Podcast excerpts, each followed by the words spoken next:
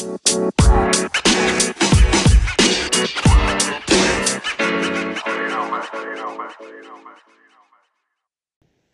criminology folks. Welcome back to the Journal of Criminology Indonesia podcast with uh, Momot di sini. Hari ini gue ditemenin sama Nisa. Halo Nisa. Halo Kak Momot. Nisa di pertama kali uh, siaran uh, di podcast kita. Biasanya dia cuma ada di balik layar, tapi hari ini dia uh, mulai mulai aktif bergabung jadi penyiar sih penyiar gak tahu deh Nah, paling nggak kita hari ini ngobrol. masih magang, masih magang, masih belajar. Iya, enggak sih nggak magang juga kamu udah lewatin ini semua. Oke. Okay. Eh, uh, hari ini kita akan ngobrolin tentang satu uh, penelitian yang dilakukan oleh salah satu teman angkatannya Nisa, ya Nisa. Iya, angkatan aku angkatan 2015. Mm -hmm. Nah ini menarik banget tentang fenomenanya sugar dating yang kalau kemarin rame-rame ngomongin sugar baby, sugar daddy. Nah ini semuanya tercakup dalam bahasan sugar dating. Kita langsung aja kita sapa penulisnya ya, eh penelitinya sekaligus penulisnya. Halo Sarah. Halo kamu mau halo Nisa. ya ini Sarah Sarah Aprilia uh, Sarah Aprilia ini angkatan berapa Sar? Tadi disebutin Nisa juga sih. Uh, aku angkat kriminologi angkatan 2015. Oh ya kriminologi FISIP UI ya.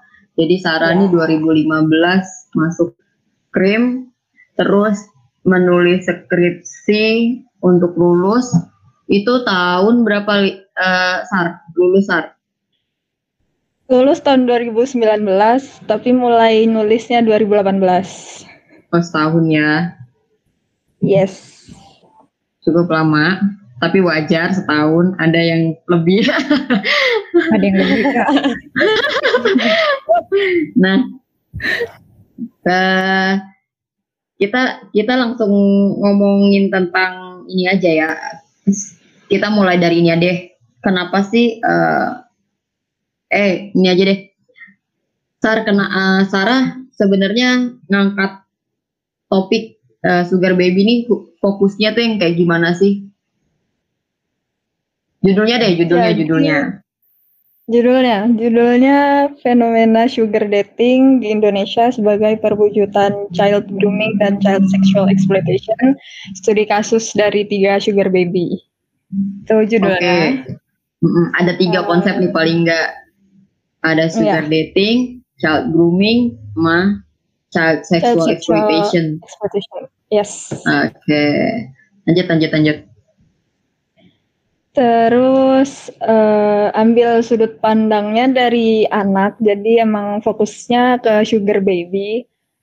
Uh, fokusnya ngeliat gimana anak yang menjadi sugar baby itu merupakan korban dalam hubungan romantis lah, kalau mereka bilangnya kayak gitu dengan orang dewasa. Hmm. Itu. Oke, okay. menarik nih. Tapi awalnya boleh dong diceritain kenapa sih tertarik sama fenomena sugar dating nih? Tar. Jadi awalnya uh, jadi mulai nulis itu dari kelas seminar. Karena sebenarnya seminar itu kan hampir mirip kayak proposal lah ya. Buat nanti yang pada masih kuliah juga ngambil uh, krim mungkin ntar bakal dapat kelas seminar itu kayak buat nulis proposal kalau deskripsi. Nah, jadi di situ kan kita emang harus nyari tema tulisan. Di situ sih sebenarnya awalnya ngambil sugar dating itu bukan bukan dari sudut pandang anak sebagai korban, bahkan awalnya ngambilnya anak sebagai pelaku gitu.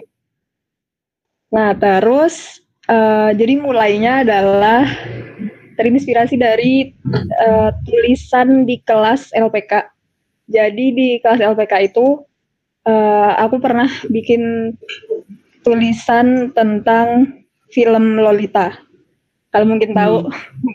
ada yang tahu nggak yeah. Lolita, ya kan? Tahu tahu. Nah, uh, aku bikin uh, tulisan tentang itu dan kan emang filmnya emang ngambil sudut pandangnya orang dewasanya dong dengan ngelihat bahwa ya Lolita ini emang apa ya sayang cintanya dia gitu sayangnya dia tapi dalam hubungan yang uh, setara gitu di maksudnya dalam film itu dibuat uh, rasa sayang dan rasa cinta si orang dewasa ke anak ini itu wajar karena emang ya mereka setara gitu sayangnya emang kayak sayang ke orang biasa gitu.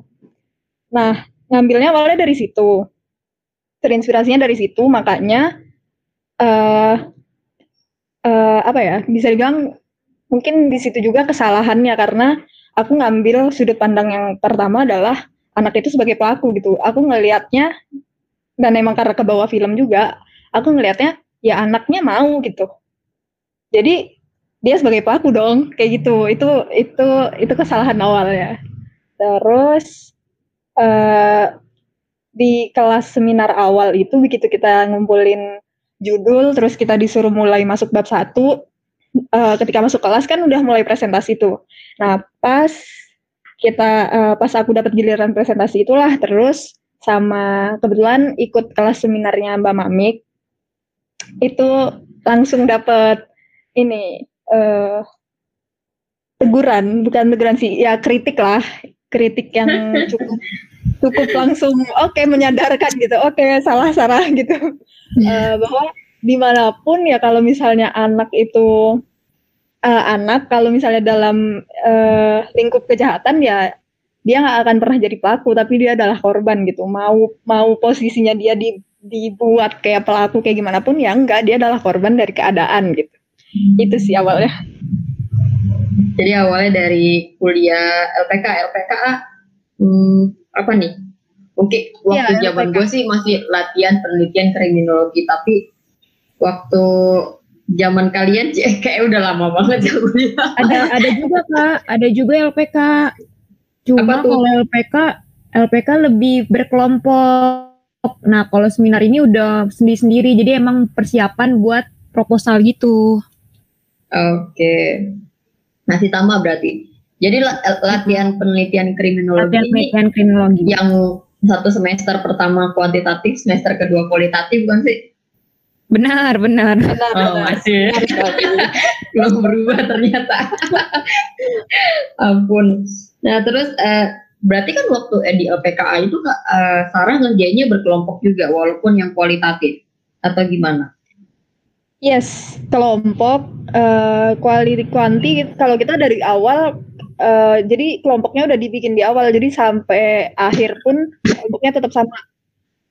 Kebetulan okay. waktu kuali yang ide tema emang aku sih jadi ya mulainya dari situ-situ juga. Oke, okay. tapi kan maksudku uh, film Lolita tuh sebenarnya karena film um, uh, apa ya kalau bahasa psikologinya tuh father kompleks kalau nggak salah.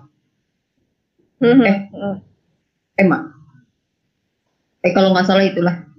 Ada mother kompleks, ada father kompleks. Yang antara itu. Yes. Nah, kalau misalnya di LPKA itu kan kalian kerjanya kelompok ya. Terus setuju semuanya bahwa posisi uh, si Lolita ini adalah pelaku. Iya nggak sih? Atau waktu kualitatif uh, iya. masing-masing?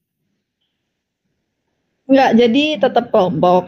Nah, cuman kebetulan waktu yang LPK itu uh, sebenarnya aku ngambil sudut pandangnya itu untuk ngelihat bahwa uh, aku nggak ngambil dari sudut pandangnya anak kebetulan waktu Lolita aku ngambil dari sudut pandang pertama jadi ngambil dari Humbertnya oh. dari cowoknya itu Nah, hmm. kebetulan uh, waktu itu aku ngambilnya film itu sebagai uh, apa namanya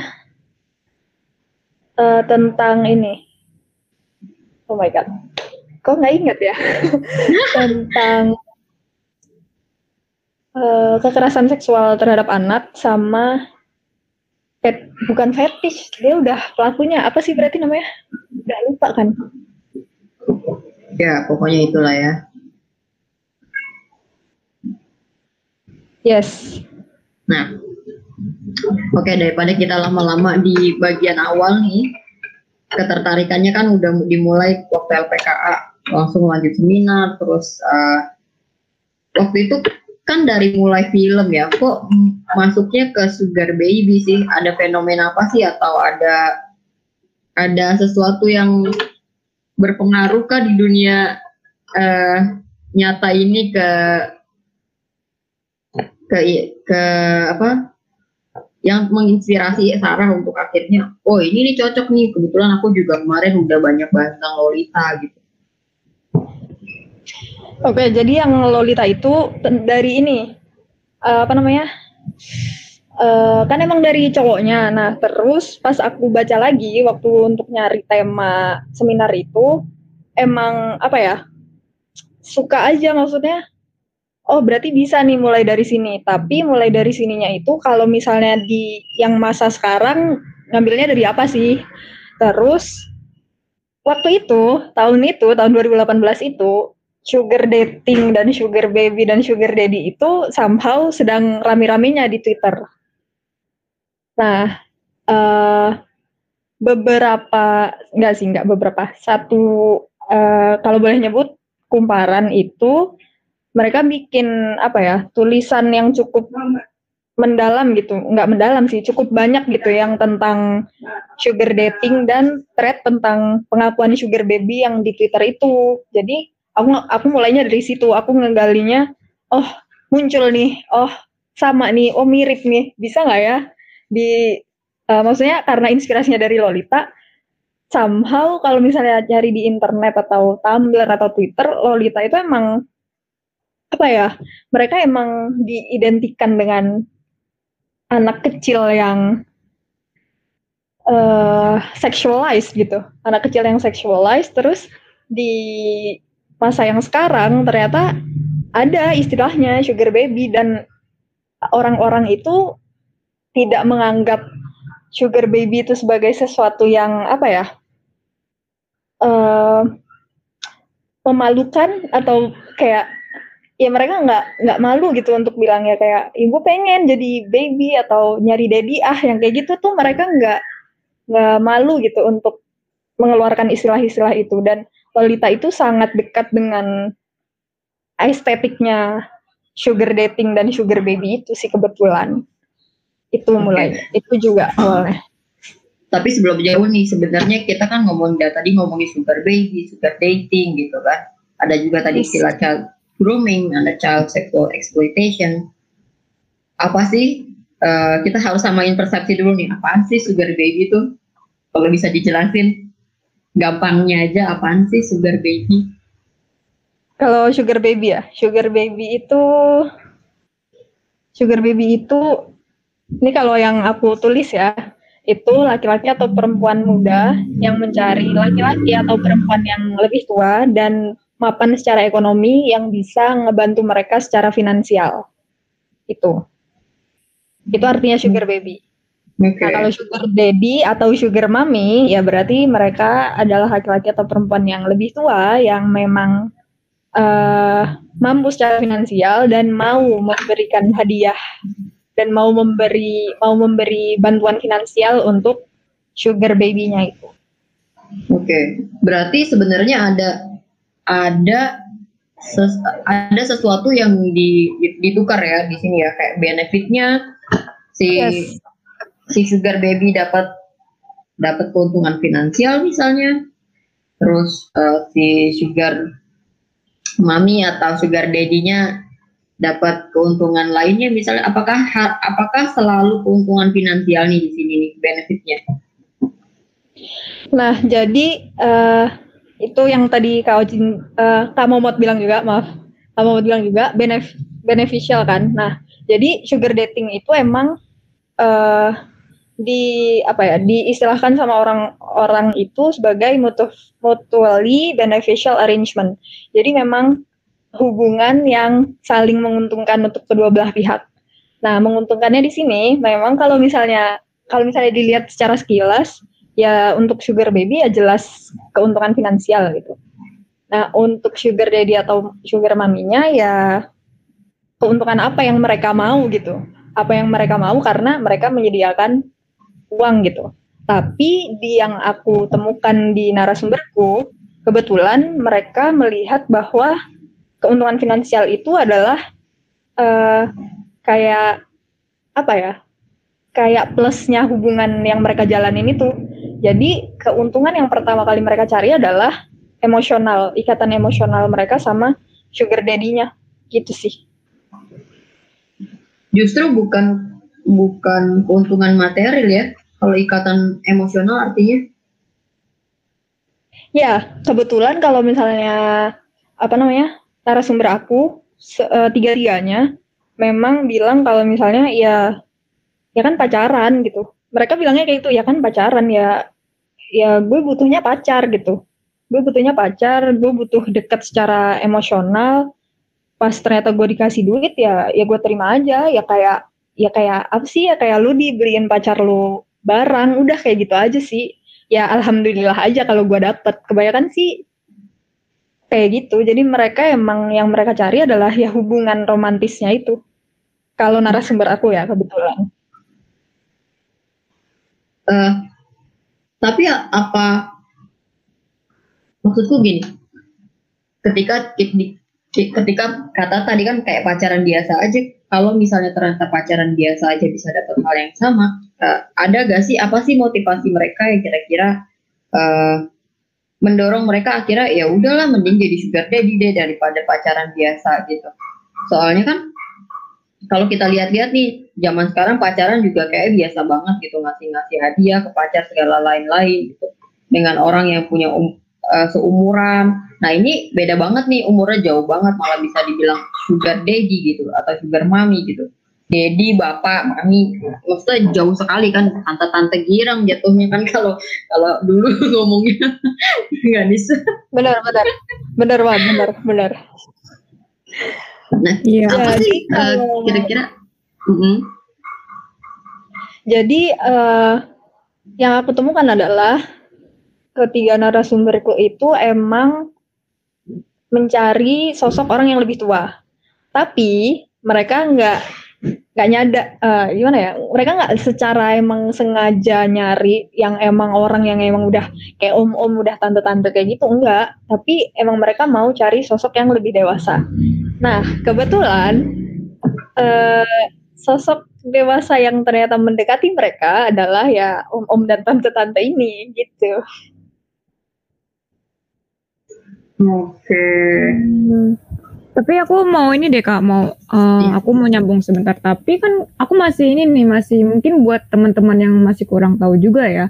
Maksudnya kalau misalnya tadi bedanya, oke okay, itu secara umur gitu. Tapi ada nggak kayak bedanya dari hubungan ini gitu?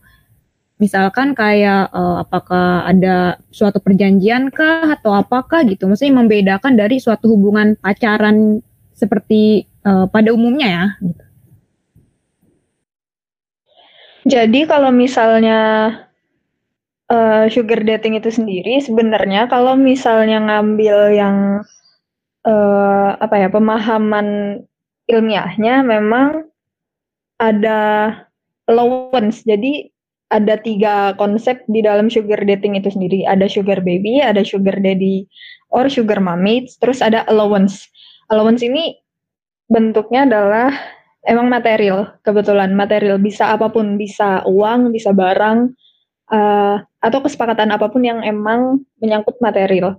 Nah uh, mungkin bedanya adalah ada di situ. Cuman kenapa orang uh, yang aku tangkap waktu aku nulis skripsi itu kenapa orang-orang ngerasa apa? Kayak ya ya udah uh, kayak pacaran aja gitu, pacaran biasa, bukan sesuatu yang aneh. Uh, ini tidak salah. Itu ya karena emang mereka yang mereka cari itu apa ya? Ya di pacaran itu ada apa? Ada ikatan emosional gitu. Itu yang mereka apa ya? Uh, kalau di tulisan-tulisan ilmiah lainnya itu yang dijadikan pembenaran atas allowance itu tadi. Jadi ketika ketika lu dikasih duit, ya. Gue nggak akan nganggep itu cuma hadiah ya karena kita pacaran gitu. Kita ada ikatan emosional kan. Uh, hubungan ini tuh bukan cuman lu ngasih gua barang, gua ngasih lu sesuatu yang lu mau gitu, bukan itu, tapi uh, kita ada ikatan emosional kan di sini, ada ya itu, ya itulah yang ya gimana sih kalau pacaran kan kayak gitu, bukan bukan tentang uh, apa namanya, gue dapet apa kalau pacaran sama lu? Maksudnya uh, dalam arti dapat material apa gitu? Kalau gue pacaran sama lu? Bukan itu gitu kalau misalnya pacaran. Tapi ya pacaran ya karena kedua belah pihak mau dan emang mereka mencari afeksi di dalam hubungan itu. Itu sih bedanya. Kalau misalnya sugar baby-nya ngaku ya sugar uh, daddy atau sugar maminya ini adalah pacar gue gitu kan. Jadi kita melakukan uh, ya selayaknya orang pacaran pada umumnya lah. Tapi si dari si sugar daddy-nya ini apakah mereka juga menunjukkan uh, intensi yang sama gitu bahwa dia yang diprioritasin adalah penyaluran afeksinya bukan yang lain-lain gitu. Muncul nggak dari pernyataan-pernyataan teman-teman sugar baby ini ke Sarah? Nah, it, uh, apa yang barusan kamu mau bilang, di situlah konsep grooming masuk child grooming masuk di konsep itu. Jadi dari hasil wawancara aku dengan narasumber aku, eh, emang karena sudut pandangnya mereka ya, jadi emang kesannya adalah mereka membela gitu, mereka membela bahwa hubungan mereka emang pacaran kok maksudnya ya ya gue sayang sama dia gitu, uh, walaupun dia udah punya istri, udah punya anak ya, tapi dia sayang juga sama gue, maksudnya kita sama-sama mau gitu. Nah di situlah konsep grooming masuk, di mana uh,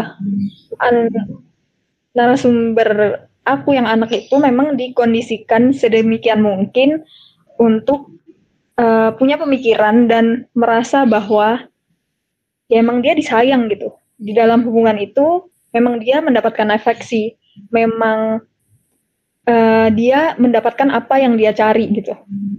Nah kebetulan yang narasumber dari tiga narasumber aku ini aku menemukan uh, mereka sama-sama mencari afeksi dari orang yang lebih tua dan orang yang lebih tua yang mereka cari itu memang sosok ayah gitu yang mereka cari. Makanya mereka uh, kayak ketika uh, aku tanya kenapa mau pacaran sama orang-orang ini? Ya mereka bilang karena gue butuh sosok ayah gitu. Gue butuh sosok ayah dan gue mendapatkan itu dari mereka.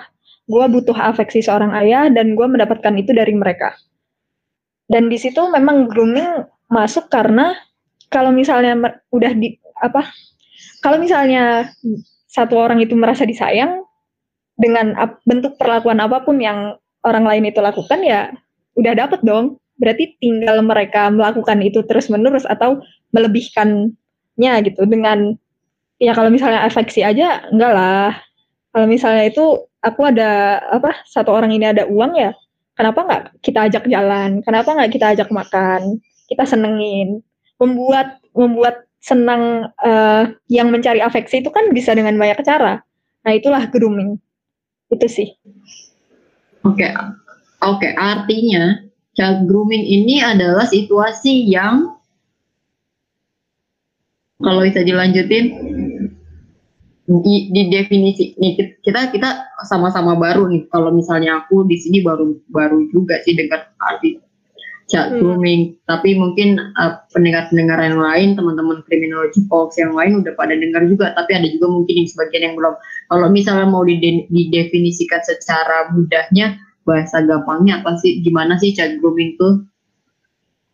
Child grooming itu ya benar situasi kondisi uh, yang membuat anak itu pokoknya semua teknik non violent tidak dengan cara kekerasan yang digunakan untuk uh, membuat pelaku bisa memiliki akses terhadap anak. Jadi dia bisa mengkondisikan anak, dia bisa uh, mengakses anak, memanipulasi, dia bisa mengkon mengkontrol anak itu supaya anak itu uh, secara apa konsen, secara sukarela mau terlibat dalam uh, apa aktivitas kejahatan yang akan dilakukan oleh si pelaku tanpa mereka uh, merasa bahwa itu kejahatan gitu.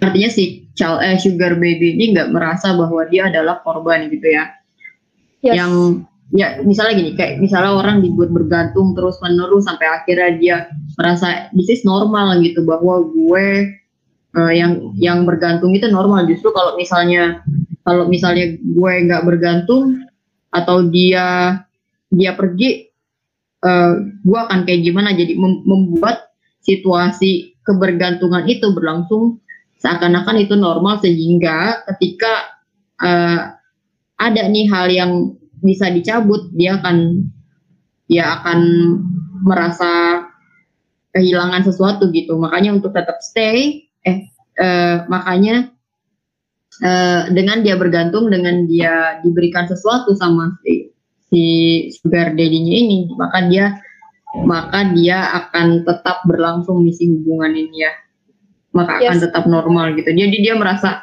ya gue baik-baik aja kok, bener kok, emang yes. ini normal gitu. Yes, benar. Normalnya dia adalah makanya, yang tidak normal. Ya, makanya uh, mereka akan bilang ya itu pacaran aja, karena ya itu yang di itulah kondisi grooming yang memang dibuat oleh para para sugar daddy itu. Kita pacaran gitu, sama-sama suka gitu. Hmm, hmm. Oke, okay. Nis, Nis, ada yang mau ditanya lagi nggak nih terkait skripsi nih sebelum kita masuk ke hal-hal yang lain nih? Kalau untuk itunya sih kayaknya udah terjawab semua sih kak. Maksudnya yang yang apa sih namanya yang kayak pengenalannya atau segala macamnya tadi itu sih udah aku sih rasa udah cukup sih kak. Tapi aku masih penasaran sih sebenarnya. Apa tuh kak um, Sarah nih kan ngangkat si sugar baby ini dianggap sebagai korban selain dari uh, sugar eh uh, child grooming tadi di di judul skripnya Sarah tuh disebut juga child sexual exploitation. Apakah nih apakah ya memang selalu uh, ada eksploitasi seksual dalam hubungan uh, sugar dating ini Sarah? Jadi uh, gini, kalau misalnya konsepnya tentang anak terus hubungannya dengan orang dewasa pasti ada eksploitasi pasti ada eksploitasi di situ karena dari awal posisinya mereka sudah tidak pernah setara secara dari faktor usia aja udah nggak ada kesetaraan di situ. Yang punya power lebih ya pasti orang yang lebih tua. Itu. Makanya uh, kenapa aku masukin child sexual exploitation di situ? Karena memang endingnya adalah itu yang diminta oleh orang-orang dewasa ini. Jadi dari ketiga narasumberku itu pembenarannya masih tetap sama pacaran. Jadi ketika di satu titik hubungan mereka berjalan, terus om-om ini meminta uh, gratifikasi seksual atau adanya hubungan seksual di dalam pacarannya mereka itu, ya anak-anak ini atau narasumberku tidak akan menolak gitu karena mereka kan sama-sama sayang. Itu sih, Pak. Jadi ya udah eksploitasinya ya dihasilkan dari grooming itu tadi. Dan selain itu yang aku temukan juga adalah uh, satu narasumberku ya. Jadi uh, kan kebetulan memang dia dikasih kayak uang saku bulanan lah dari sugar daddy-nya itu. Nah waktu itu dia masih sekolah posisinya. Terus uh, dia rutin jalan kayak tiap minggu jalan atau intinya kalau misalnya dedinya lagi kosong ya mereka akan jalan. Tapi dia juga bilang ada pernah kayak di hari sekolah uh, waktu dia masih lagi sekolah lagi kelas terus tiba-tiba kayak dihubungin sama dedinya kayak harus ngajak jalan harus ketemu hari itu juga karena intinya butuh ketemu butuh ada hubungan seksual di sekarang dan saat itu juga intinya ya dia harus apa ya harus menurutku bilang ya gue harus mikir otak gitu. Uh, eh, gue pastinya lagi sekolah ya gue akan bilang ke dia gue lagi sekolah uh, nanti kita ketemu uh, begitu gue pulang sekolah. Dan kalau kayak gitu gue bisa apa ya gue bisa kayak ngasih jam lebih atau intinya gue akan meluangkan waktu yang lebih banyak deh buat daddy gue karena toh dia kayak dia juga udah ngasih gue duit bulanan. Maksudnya dia dia tuh udah ngelakuin banyak gitu buat gue. Masa kalau misalnya gue diminta kayak gitu doang gue nggak ngasih sih. Kayak gitu kak. Hmm, tapi dari tadi ya diomongin juga kayak nih anak kelihatannya butuh duit, terus kelihatannya butuh kasih sayang bapaknya gitu, kehilangan sosok ayah gitu.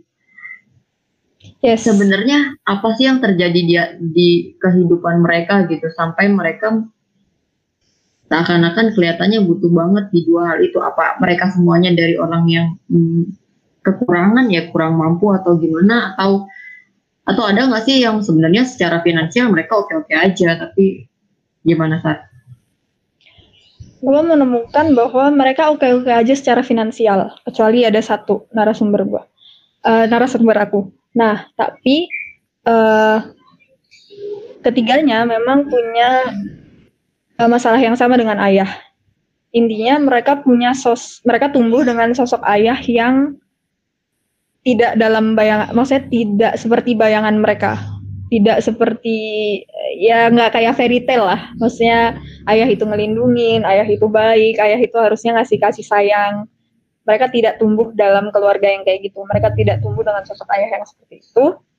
Makanya ketika mereka terus kenalan sama orang-orang ini itu itu adalah yang pertama mereka cari gitu. Afeksi sosok dewasa sosok ayah yang emang bisa memenuhi kayak apa ya rasa haus kali ya kak? Kayak ini loh sosok ayah yang dalam bayangan gue. Kayak gitu sih nah hmm. jatohnya adalah uh, uang uang itu uang atau hadiah atau apa pun yang berbau material yang pernah dikasih oleh dedi mereka itu itu datang setelahnya gitu.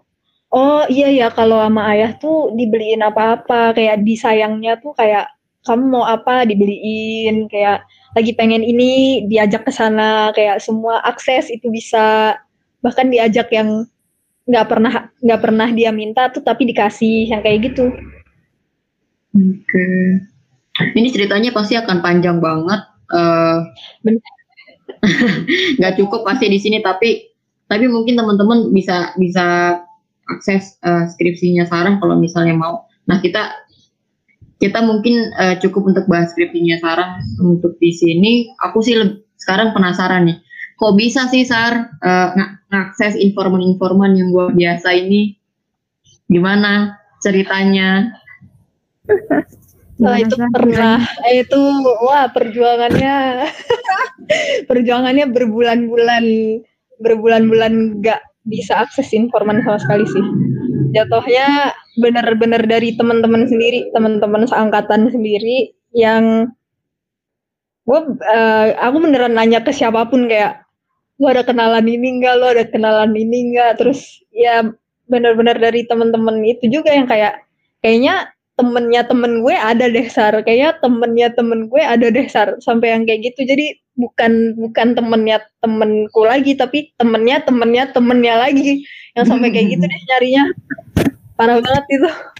Uh, tapi dari tapi dari itu juga tapi apa ya aku emes juga sih karena untuk percaya mau ngomong terus dan aku dari awal juga aku kan pakai inform consent untuk bilang bahwa ini untuk skripsi tapi semua informasi akan digunakan secara ilmiah, pokoknya bertanggung jawab dan sebagainya. Tapi mereka tetap mau gitu. Itu ah bersyukur banget sih. Artinya kamu bangun raportnya juga berarti dari temennya, temennya, temenmu itu atau atau langsung uh, kenalan Benar. aja terus mereka da, mereka dijelasin dan lain-lainnya. Maksudnya bangun raportmu gimana tuh prosesnya?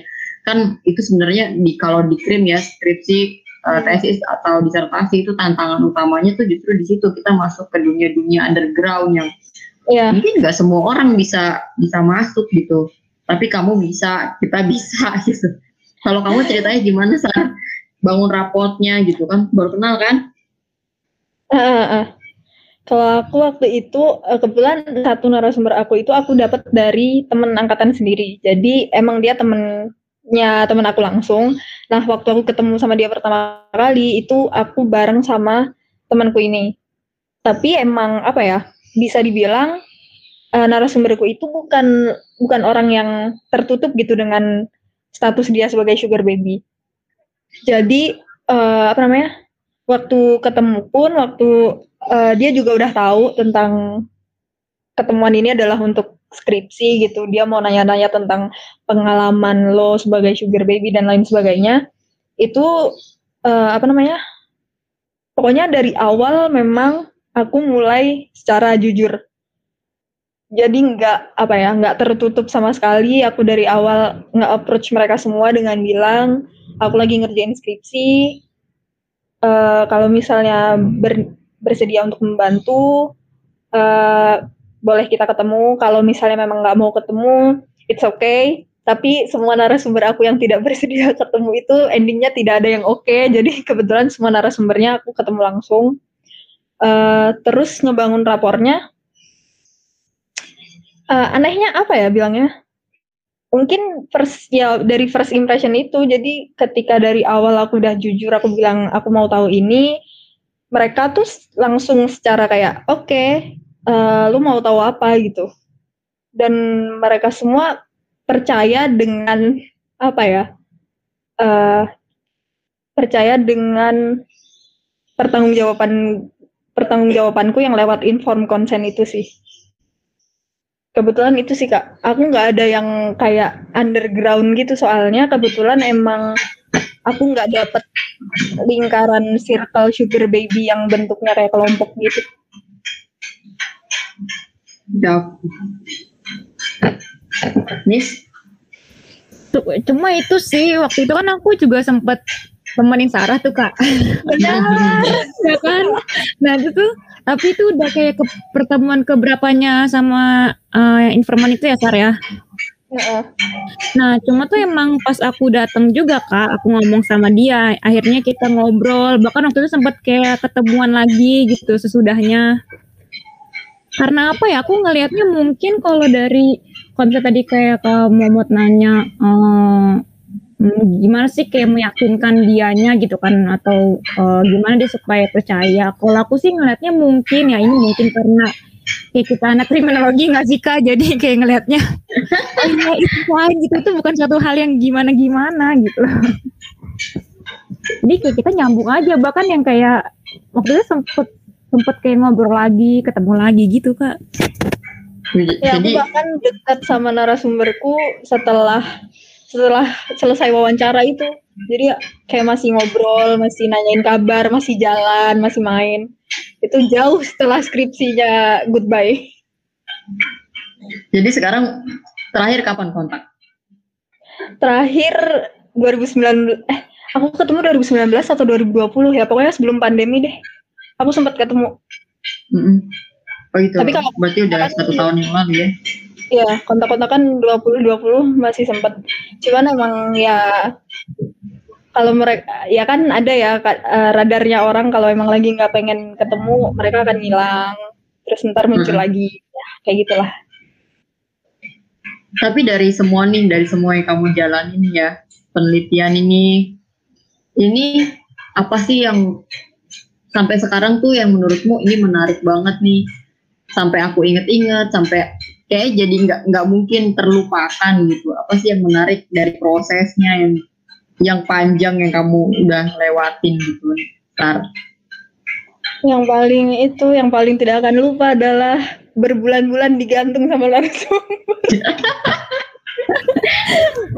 kacau banget ya. Oh, itu kacau banget sih. Itu kayaknya hampir empat bulan empat bulan aku benar-benar nggak ngapa-ngapain karena narasumbernya nggak bisa di approach sama sekali. Calon narasumber tapi gagal dia jadi narasumber. Aku malah dapat narasumber narasumber yang lain. Itu sih itu itu wah emang emang narasumber dengan mungkin dengan tema anak kriminologi yang nyeleneh kali ya itu juga susah banget sih sebenarnya untuk nyari narasumber. Cuman jangan takut tanya sama teman-teman guys. Udah itu aja kuncinya jangan takut bertanya, jangan takut minta tolong. Jadi awalnya ada berapa nih calon narasumbernya? Sampai oh, akhirnya calon, sisa tiga ya? Iya sisa tiga. Calon, calon ada lima. Ada lima, lima enam? Hilang dua. Yes. Hilang. Tapi ini semuanya perempuan apa ada yang laki-laki? Dua laki-laki, satu perempuan. Oh wow. Yes. Aku nggak expect loh. Yes. Nggak ada yang expect sebenarnya. Jadi sebenarnya ini kalau boleh kasih bocoran sedikit ya. Waktu itu Mbak Mamik sempat ngasih DM-an satu lagi waktu skripsi sebenarnya begitu dia tahu narasumberku dua itu cowok dia maunya kayak ini harusnya ini bisa ditambah ini salah bisa ditambah dengan isu-isu LGBTQ tapi kayak mbak saya anak aja mbak saya nggak kuat oh ini salah satu tantangan lain ini. Yes. Ber, ber ini ya. Harus bisa berargumen dengan pembimbing. Ya benar. Oke. Okay. eh tapi nih gara-gara uh, narasumbernya adalah dua laki-laki satu perempuan aku justru jadi penasaran apa bedanya uh, dari keduanya. Maksudku da- kalau misalnya laki-laki tuh lebih kayak gimana sih perempuan tuh lebih kayak gimana sih? Ada nggak sih bedanya hmm bedanya. Aku aku ngerasa bahkan enggak karena aku ngelihatnya memang yang mereka cari itu ikatan emosionalnya itu. Jadi aku ngelihat uh, ketika mendengarkan cerita mereka pun aku memang bisa merasa bahwa yang mereka cari tuh emang itu kayak ikatan emosionalnya kayak kayak butuh gitu. Butuh disayang sama ayah hmm. itu sih. Aku mau masuk deh. Ya, ya, boleh boleh. Enggak kasusnya gini kalau misalnya kan tadi balik lagi misalnya kayak uh, ikatan emosional terus ada, ada membutuhkan ikatan emosional dan mereka bahkan mereka me, uh, menganggapnya ya udah kita seperti pacaran biasa. Ada nggak sih sar yang kayak putus gitu? Maksudnya yang maksudnya selesai kalau misalnya kayak pacaran pacaran biasa kan oh ya udah putus putus uh, ada masalah tertentu kah atau apakah gitu kan kalau ini gimana proses kayak putusnya atau menyudahi hubungan itu apakah kayak pacaran pacaran biasa gitu jadi kebetulan dari tiga narasumber itu satu yang perempuan itu dia masih statusnya dia masih baby. Terus uh, yang dua itu uh, yang cowok ini emang udah putus. Nah, yang satu si Ben ini dia putusnya karena dia yang minta putus. Jadi dia minta putus karena karena ketahuan hampir bukan ketahuan, hampir ketahuan sama istrinya, pacarnya. Nah, kalau yang satunya, kalau yang satunya si Sid itu dia putus karena uh, pacarnya pindah kota kerjanya. Itu sih. kocak deh kak beneran kayak pacaran dah. Tapi oh, orang ya. kayak pelakor gitu tapi bukan pelakor gimana ya gitu deh. Tapi tapi ya ini kan ini kan yang yang perempuan oke okay lah ada sugar daddy ya. Tapi kalau yang laki-laki sugar mami atau tetap sugar daddy? Daddy juga. Oh. Yes. Yes. Aku mungkin mungkin itu aku sama sekali gak expect ini. Dari tadi kita harusnya di awal tanya ini dulu iya, ya tanya dulu tanya aduh. Ya.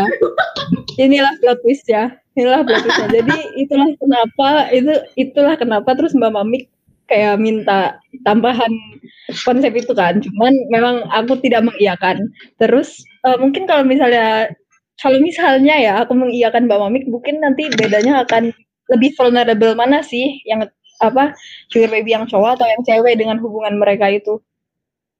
Mungkin kalau dibilang tapi aku tapi aku dari narasumberku dua yang cowok itu mereka memang sudah proudly out gitu. Jadi nggak apa ya namanya?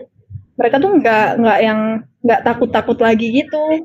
Makanya mungkin aku akan susah kalau misalnya mau nyari vulnerable-nya di mana. Karena mereka kayak udah I'm proud guys. Kayak gitu sih.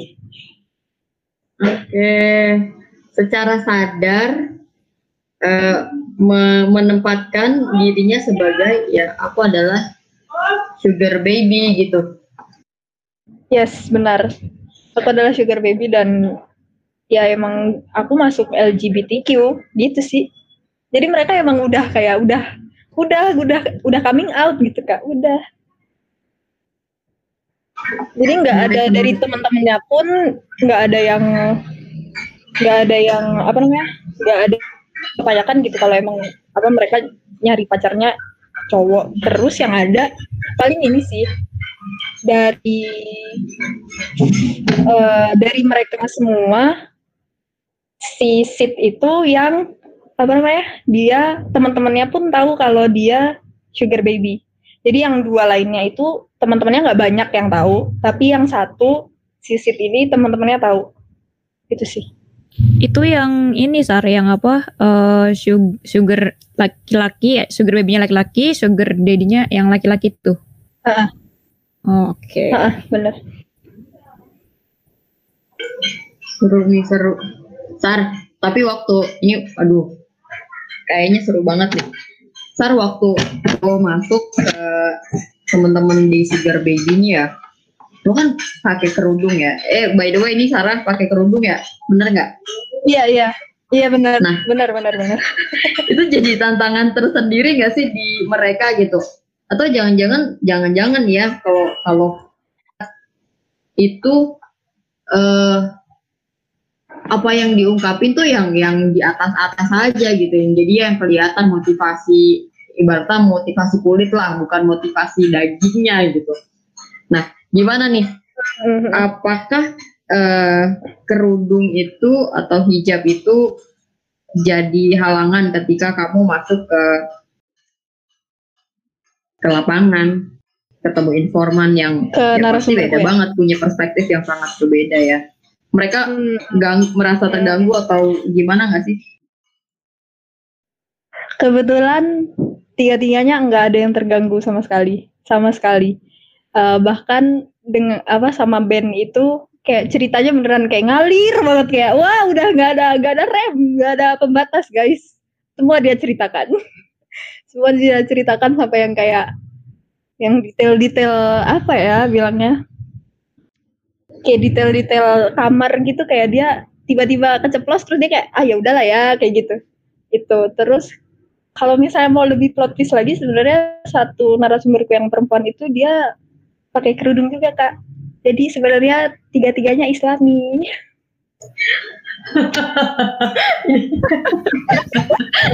Mantap ya. Oke enggak ya begitu ya waalaikumsalam. Mantap jiwa ini. Dia harus aja diomong ini dari awal ini seru-serunya yang kayak gini nih nggak apa-apa kak nanti kita buat uh, apa sih nama cuplikan obrolannya nanti dicari-cari di mana nih gitu biar sampai habis dengerinnya oke oke oke mantap Nisa Wah, Nisa sangat visioner terima kasih Nisa menutupi. Oke, okay. guys ini udah udah kayak udah lebih dari 50 menit, udah hampir satu jam. Kita ngobrol seru yes. banget sama Sarah. Thank you Sarah. Hari ini udah mau udah mau gabung di The JCI. Udah mau ngobrol ini hari apa ya? ini pokoknya sebelum puasa nih rekamannya. Jadi kalau misalnya agak-agak agak-agak mundur dikit nih naiknya ya inilah ya penyesuaian penyesuaian tapi paling nggak uh, teman-teman criminology foxes ini dapat konteksnya nih kapan kita rekaman oke okay. Uh, eh, kalau menurut gue that's it for today uh, dari Nisa gimana Nis udah sih kak cukup sih kak Oke, okay. thank you Sarah, thank you Nisa. Di sini sebenarnya ada Gerald juga, tapi dia cuma jadi pengamat aja. Oke okay, teman-teman, thank you udah dengerin di The Journal of Criminology Indonesia. Jangan lupa follow uh, Spotify kita, juga Instagram kita di at the underscore JCI, JCI. Twitter juga Pak, Twitter. Di Twitter juga, di Facebook juga, di like, uh, apanya namanya? DCI fanpage-nya. Ya, fanpage ya. Kalau di Facebook ya. Follow ya. semua itulah. Biar kita tetap Sama terus semuanya, semangat guys. rekaman. Oke, okay, thank you semuanya. Bye. Bye. Terima kasih.